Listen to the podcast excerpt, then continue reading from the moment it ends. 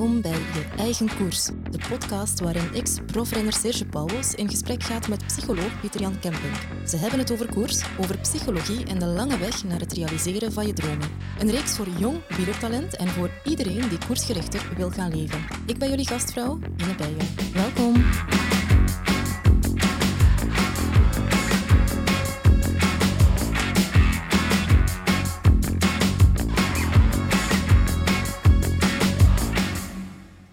Mannen, dit is het vervolg op de vorige aflevering, waarin we het hadden over training, over fysiek. Absoluut. De, de fysieke kant van trainingen, hè, want we gaan het hebben over andere dingen die je kan trainen straks. Hè. Je, tactisch vermogen kan je trainen, je, techniek op de fiets kan je trainen, maar ook het mentale, gaan we uitgebreid uh, op ingaan, kan je trainen. Dus maak geen uh, fout door te denken dat training zich beperkt tot de fysieke component. Maar nu gaan we wel in op het fysieke natuurlijk. We hadden het over, hé, neem een wetenschappelijke, neem een opgeleide trainer bij de hand. Um, en van daaruit vertrekken we vandaag verder. De eerste stap binnen een trainingsplan is natuurlijk het opstellen van een jaarplan. Ja, ik denk dat uh, dat, dat het verlengde is van, ja, van je doelen. Hè, van je doelen voor het wielerseizoen of voor dit jaar.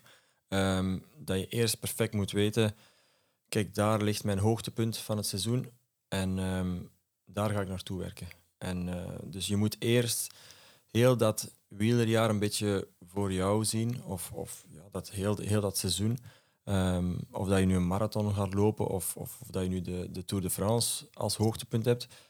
Ik denk dat dat, dat globaal beeld dat dat het startpunt is. Um, in mijn geval was dat dan de laatste jaren in mijn carrière vooral die Tour de France. Hè. Die, die stak daar bovenuit, die maand juli.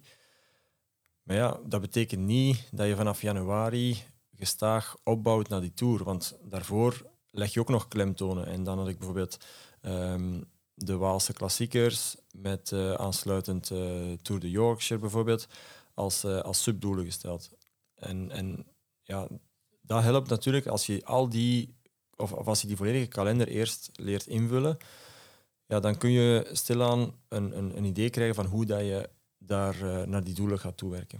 Mm -hmm. Van daaruit kun je dus plannen beginnen maken, stages beginnen inplannen. Ja, en aanvullend aan wat Serge zegt, als je, als je nu kijkt naar, naar Wout bijvoorbeeld, hè, ik begrijp dat hij nu in zijn, in zijn derde golf zit van dit seizoen. Hè. Hij heeft ja. al drie keer, eh, bij manier van spreken, een periode gehad van de voorjaarsklassiekers, dan de rondes en nu de, de najaarsgolf, zeg maar. Hè.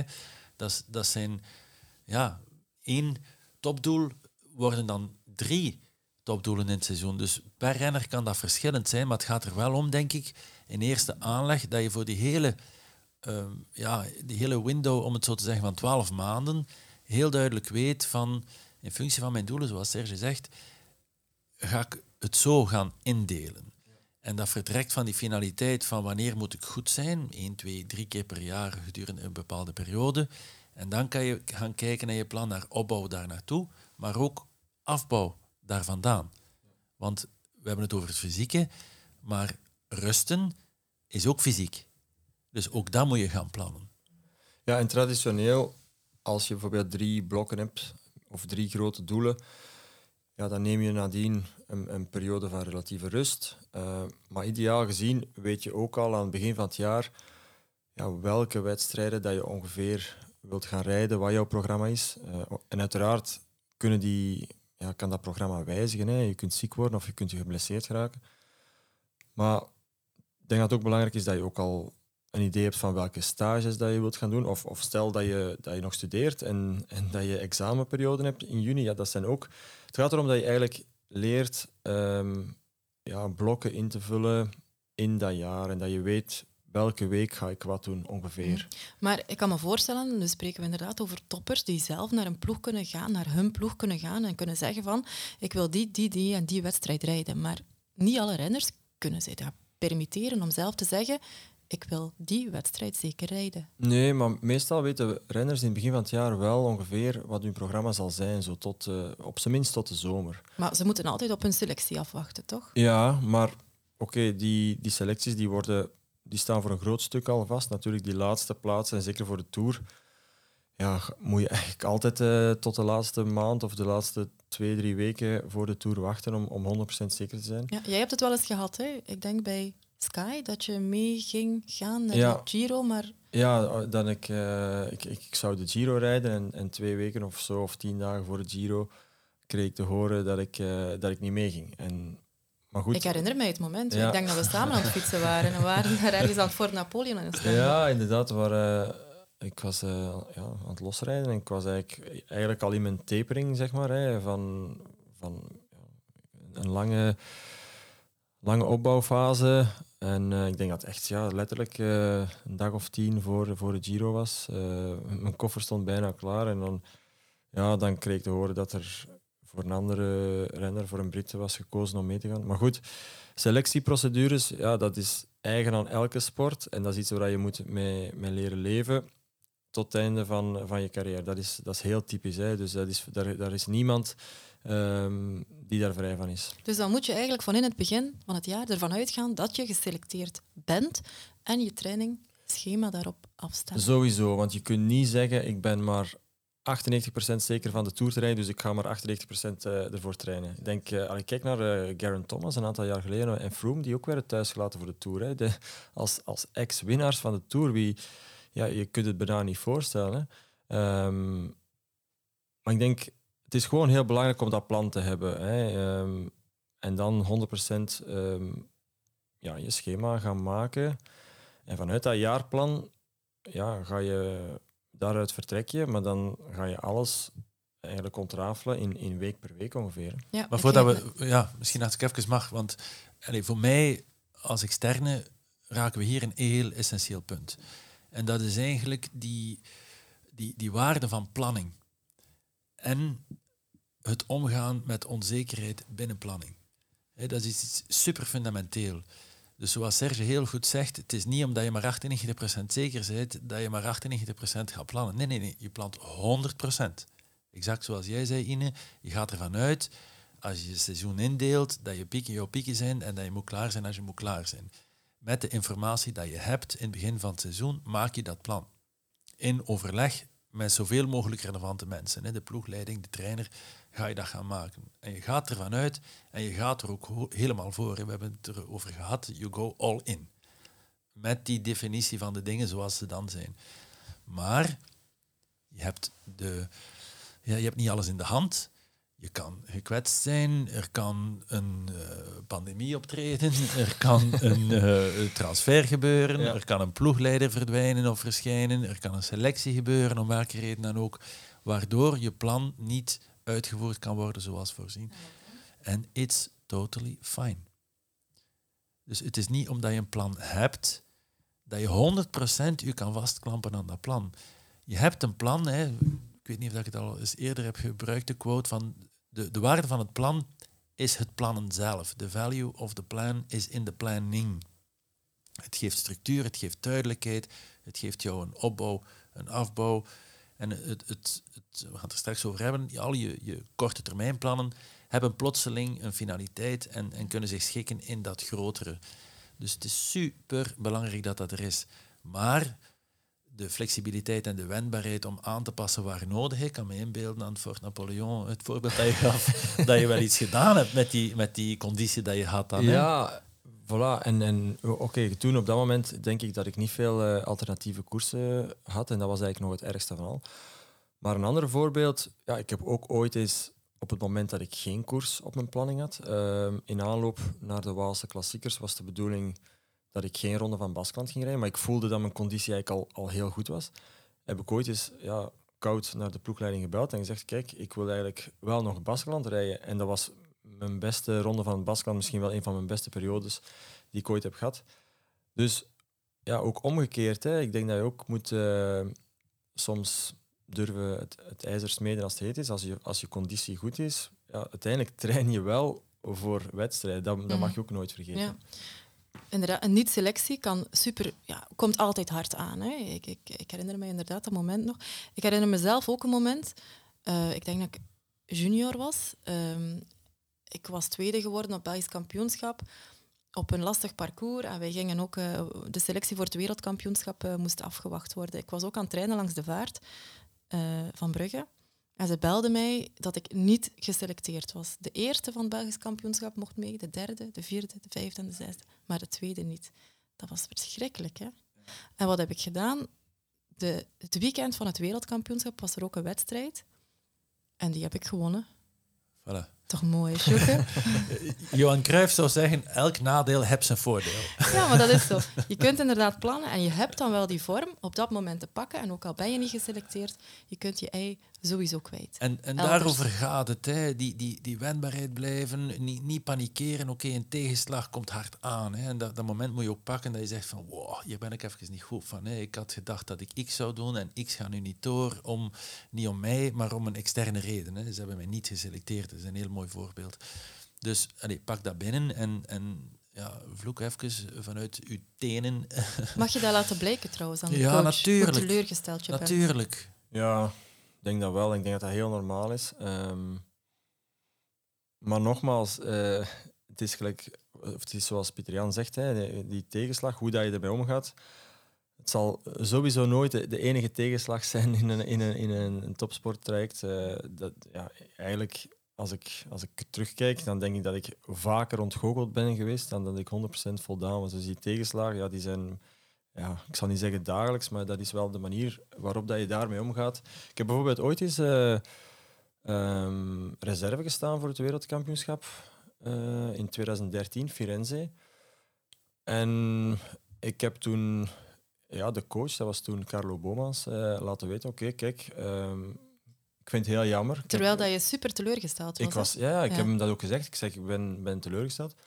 Maar weet eh, dat je op mij nog kunt rekenen, Ja. mocht er eh, iets voorvallen met de zeven geselecteerden. Dat is wel knap om dat te doen. Ik herinner mij dat moment. Hè. En dat is Iedereen exact... zou super kwaad zijn Voilà. en, en, en jij bent dan op dat moment heel kalm Ja, en, gebleven. en als ik daarop mag doorgaan, even, hè, en dan wil ik zeker de rest wat voorbeeld horen.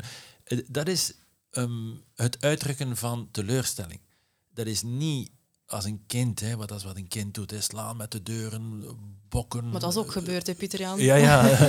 maar, en, en dat is wat dat je misschien wel voelt. Hè. Dat, dat kind in nu brult en is gefrustreerd. Maar het gaat erom dat je dat dan weer, ehm laten we zeggen, even laat zinken. Hè. En dan kan het helpen om even wat tijd te nemen. Laat dat overgaan. En, en herkader het dan. Spreek het dan zeker uit dat je zeer gefrustreerd bent, hè, ontgoocheld bent, dat je dat niet verwacht had, dat dat dan een klap is voor jou en dat je daardoor even van je melk bent, bij manier van spreken. Dat is prima om dat te benoemen. Maar exact het voorbeeld van Serge. Vul het dan wel aan, maar kijk, it happens, hè, shit happens. Ik blijf klaar, ik blijf 100% beschikbaar, I'm still focused. En dat heb jij gedaan, hè, Serge? Ja, en dan, eh, wat gebeurde er in, in die periode tussen de selectie van het wereldkampioenschap en het wereldkampioenschap zelf? Ja, dan werd eh Dries Devrens, die, die wel zou meegaan, die werd ziek. En eh, ja, dan eh, belde Carlo Bomas mij, mij toch nog op om mee te gaan. En, en dan koos hij voor mij voor een andere renner die zijn frustratie van zijn niet-selectie had, had geventileerd in de pers. Dus ehm, ik werd eigenlijk wel op dat moment beloond voor even de tijd te nemen om, om rustig te ademen en mijn, Mhm. mijn ontgoocheling allee, op een min of meer correcte manier eh, naar hem te, Mhm. te uiten. Maar het, het heeft geen zin om ontgoocheling te ontkennen. Hè. Dit is, dat, dat zegt ook iets aan die coach. Hè. Hoe, hoe, hoe, hoe, Toont eh, ambitie, ja? Exact. Het toont hoe, hoe, hoe hot dat je was om dat te doen, om te presteren, hoe dat, dat past in je plan. Dat is prima. Mhm. Dus dat wil je ook zien. Hè. Als je alleen maar destructief bent en, en mensen persoonlijk begint aan te vallen en nu, laten we zeggen, allee, allerlei emotionele elementen gebruikt, ja, daar kun je niet veel mee als coach. We hebben het gehad, inderdaad, jaarplannen. Maar zo'n jaarplan moeten we concreter gaan maken. In weekplannen, veronderstel ik dan. Ja, een week, dat is zo wat traditioneel. Hè, dat trainers, vooral in het wielrennen, week per week gaan werken met hun atleet. Maar dat hoeft ook niet per se een week te zijn. Hè. Ik denk dat dat kan evengoed ergens tussen vijf of zelfs drie, ergens tussen drie en, en veertien dagen zijn. Ik denk dat veertien dagen al redelijk lang is, want dan komen er toch wel altijd in die periode onverwachte dingen op je pad, waardoor je toch je plan moet aanpassen. En dat kan ook perfect, dat is geen enkel probleem. Maar meestal ja, als je zo'n dag of vijf vooruit kijkt, ehm, dan ben je ook min of meer zeker van, van wat het weer in die vijf dagen gaat doen op de plaats waar je dan bent voor te trainen. Want dat is, ik vind dat nog altijd wel een heel belangrijke factor. Hè. Als renner ga je heel veel volume trainen, hè, veel uren. Meestal om de drie, vier dagen ehm, heb je wel eens een echt lange training. Hè, als prof eh, vijf, zes uur. Ja, die wil je natuurlijk niet plannen op donderdag als het donderdag eh de hele dag gaat regenen. Dan, als je weet dat, dat het ja, die dag wat slechter weer is, dan moet je eigenlijk je puzzel denk ik zodanig gaan leggen dat je dat doet op de dag dat het beter weer is. En dat is perfect, eh, ja, dat is geen, geen enkel probleem. Hè. Ik denk dat je bent geen, geen mietje omdat je ervoor kiest om ja, inventief om te springen met, eh, met eh, externe factoren zoals het weer. Mhm. Of examens, of familiefeest. Als je 16 jaar bent, moet je mee naar het familiefeest. Ja, en ook heel belangrijk, hè? een familiefeest geeft energie. Hè? Dat is niet iets vervelend die mijn planning verstoort. Nee, dat is een fantastisch leuk iets. Hè? Ik ga ervan uit dat uw familie toch wel uw, uw, uw, basis is. Dus daar wil je ook tijd voor maken in dat weekplan. Dus ik denk dat die elementen echt moeten meegenomen worden, die, die laten we zeggen, energie geven, die bijvoorbeeld als je nog studeert, dat heeft heel veel waarde. Hè? Dat contrast tussen enerzijds, laten we zeggen, ja, blind trainen en, en diep gaan en uw verstand op nul zetten. En anderzijds ja, in alle rust met uw cursussen bezig zijn. Dat is een prachtig contrast. Dus ja, bouw daar de tijd voor in. Hè. Ik bedoel, zelf als je heel hard traint, dan kom je misschien aan, wat zal het zijn? Zes uur, acht uur per dag? Alles in. Ik bedoel, er is nog tijd over en dat is prima. Hè. Ja. Maar we- dan komen we tot de volgende bedenking. De vraag die ik me dan vaak stel. Wie moet er allemaal op de hoogte zijn van jouw weekschema? Wie moet er allemaal met jou rekening gaan houden? Als je junior bent, als je belofte bent, moet alles rond jou draaien. Eh, goeie vraag en moeilijke vraag.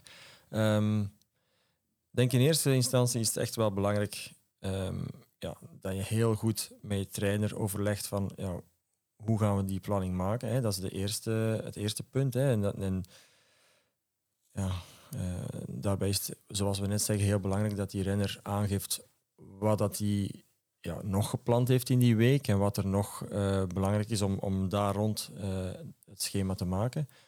Maar ik denk dat het wel eh, nuttig is dat iedereen een beetje op de hoogte is. Iedereen in je omgeving, hè, ouders, vriendin of, of vriend, wel op de hoogte is van ja, wat, dat je, wat dat je die week gaat doen.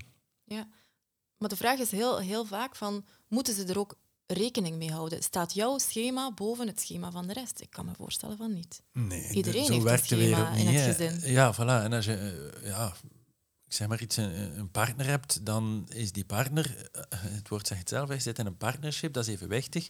Ja, die heeft ook zijn agenda. En dat is ook prima. En die moet ook van alles. Dus rekening, rekenschap geven aan elkaar en rekening houden met elkaar is essentieel. Dus whatever die partner doet, het is belangrijk dat, dat je van elkaar weet hoe uw agenda zal zijn en vooral hoe dat je elkaar kunt helpen. Dus ik denk dat de fout er zou in bestaan om ja, in een soort eenrichtingsverkeer uw schema eh, op tafel te leggen en te zeggen, kijk, deze week ga ik dat doen en that's it. Het is maar dat je het weet, bij manier van spreken. Ja, dat is een beetje jammer. Het is veel eh, zinvoller om dat wat te duiden, te betekenen, eh, uit te leggen wat dat betekent. Hè. Misschien voor het ene moet je verplaatsen en heb je een uur voorbereiding nodig. Voor het andere doe je het gewoon in, in je eigen fitnesskelder of zoiets, weet ik het. Maar zorg dat die partner snapt hoe dat dan in elkaar zit, van ver begrijpt wat de, wat de dynamiek is van dat plan en, en wanneer dat je welke hulp kan geven als partner. Want misschien zijn er wel dingen dat je kan doen, hè.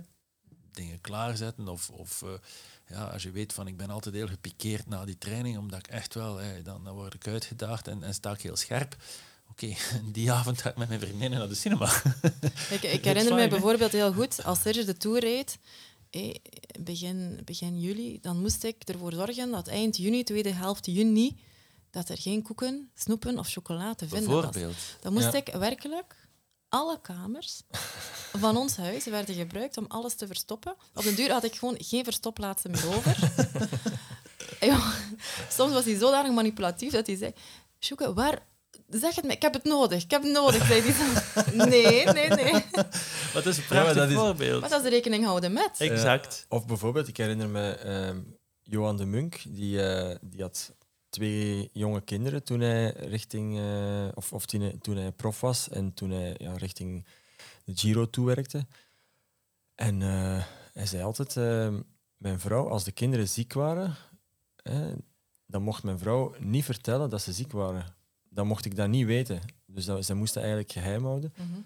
Ehm, omdat dat, ja, dat, dat kon hem uit zijn concentratie brengen. Ja, het zijn een beetje Dat zijn extreme afspraken voorbeelden. vooraf. dat- ja. Maar het is heel leuk, hè. Er is die tv-serie eh, van Elodie en Otto Jan, hè, waar dat ze de tijd van hun leven hebben. En, en daar zie je het, hè, de stomweg het concept hoogtetent. En de ene neemt een tentje alleen, hè, die denkt van ik stoor niemand, en de andere ligt met heel de familie in dezelfde tent. Dus dat zijn van die onnozele dingen waar dat je dan tegenaan loopt. Maar de essentie is de communicatie er rond.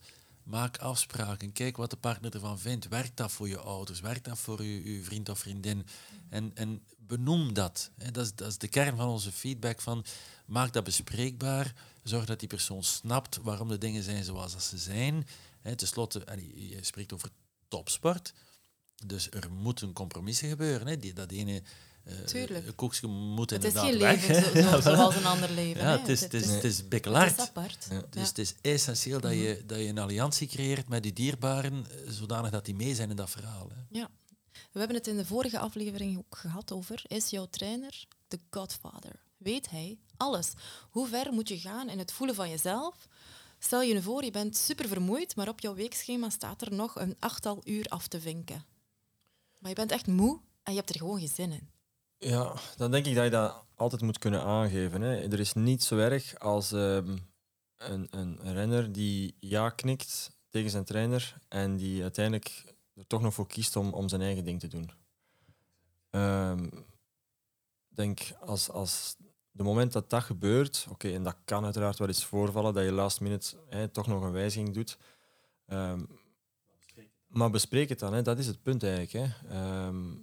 Het is geen eenrichtingsverkeer. Natuurlijk is wel belangrijk dat die trainer, ik denk, op dezelfde hoogte of misschien wel boven die, die renner of boven die atleet staat. Hè, want ja, als de atleet gaat gaan vertellen aan de trainer wat hij gaat doen, ja, dan, is die, ja, dan is die verhouding ook een beetje scheef getrokken. Ik denk niet, dat is hetzelfde als met, met een ploegleider.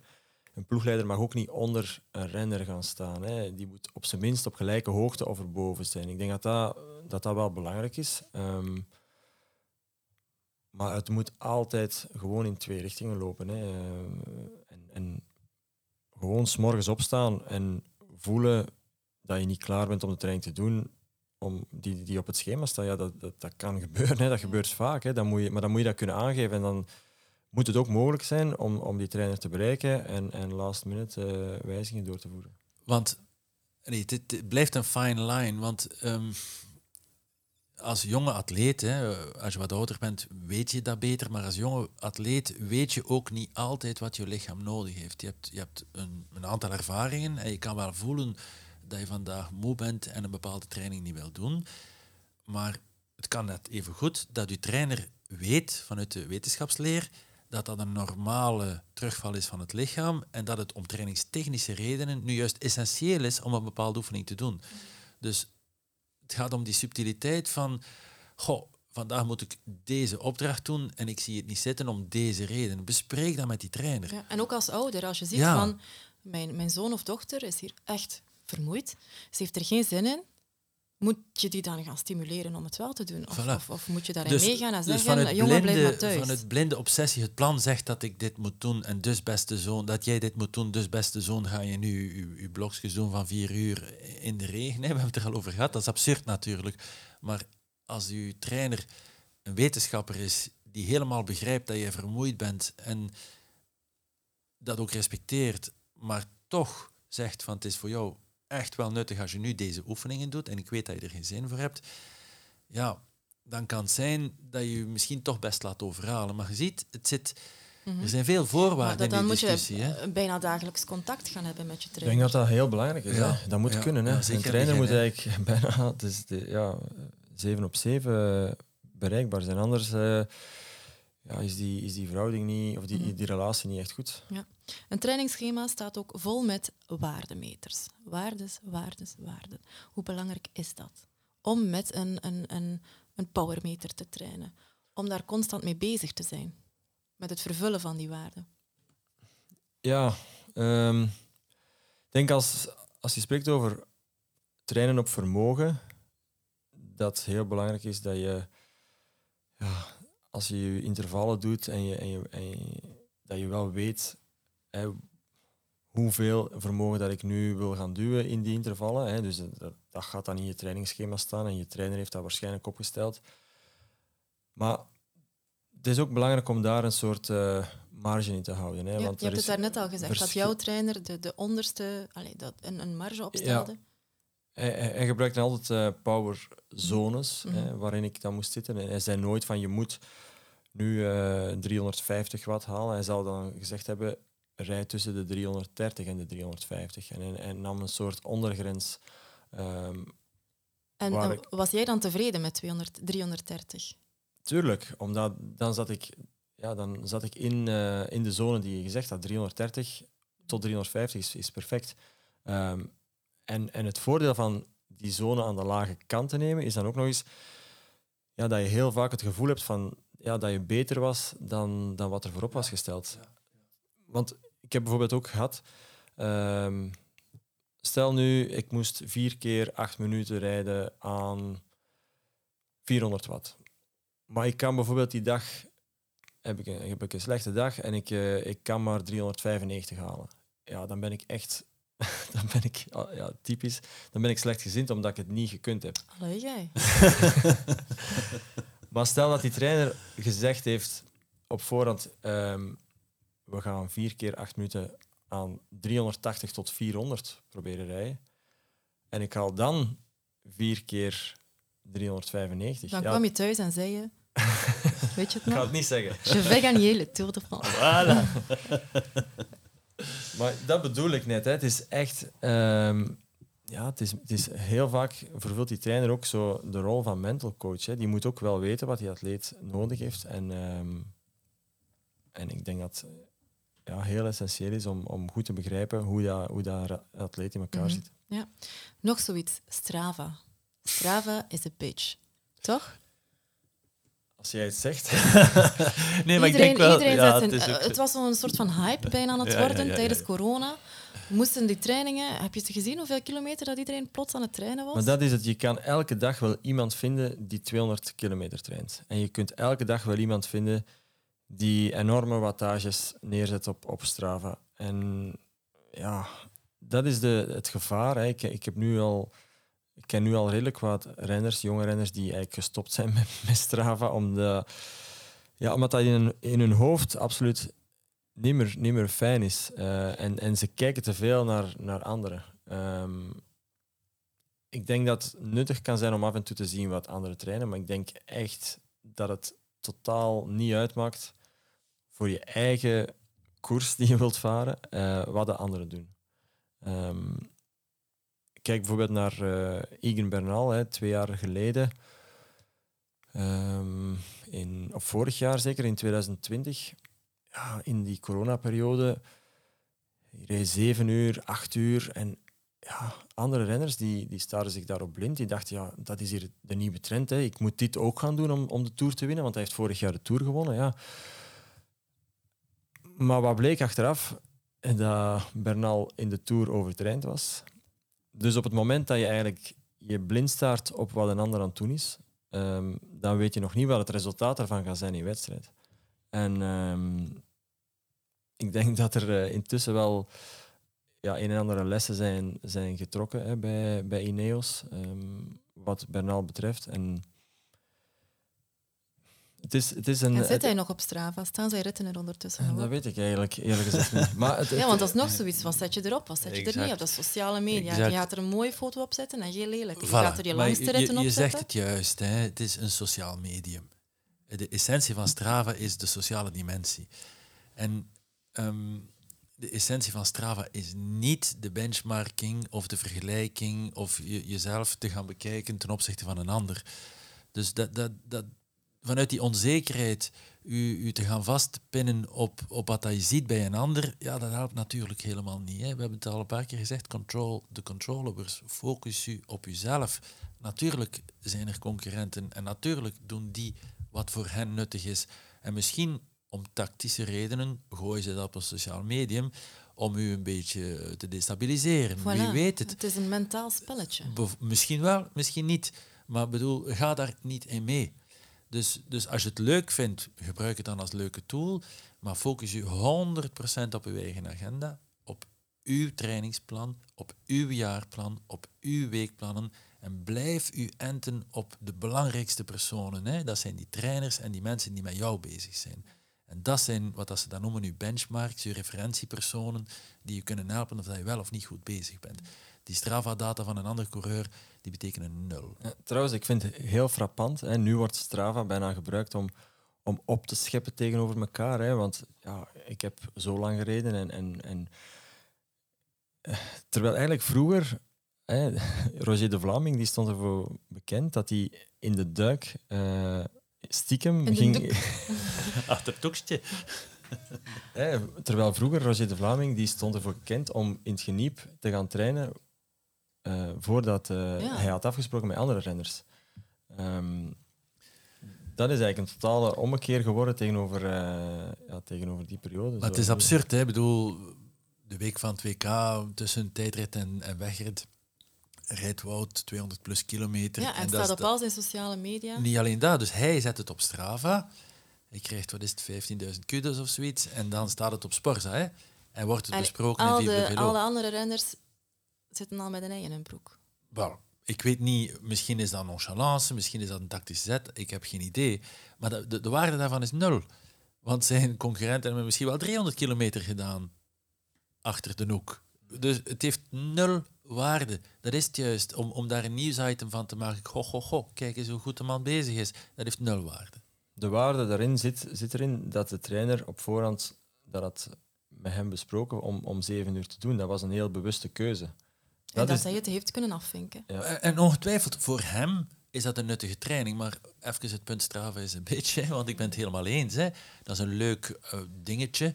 Maar dat is natuurlijk helemaal geen medium om trainingsdata te vergelijken en te gaan interpreteren. Daarvoor is het totaal Mhm. onbetrouwbaar. Ik denk dat we hiermee kunnen afsluiten. Strava, doe gewoon uw eigen ding. Maak uw eigen weekplanning op. Doe dat samen met de trainer, met de personen die je vertrouwt. En focus je vooral op jezelf. Ik denk dat we daar de volgende aflevering nog eens verder kunnen op ingaan. Dan gaan we het hebben over, bijvoorbeeld pieken. Wanneer piek je of hoe piek je het best naar een bepaald moment? Tot de volgende.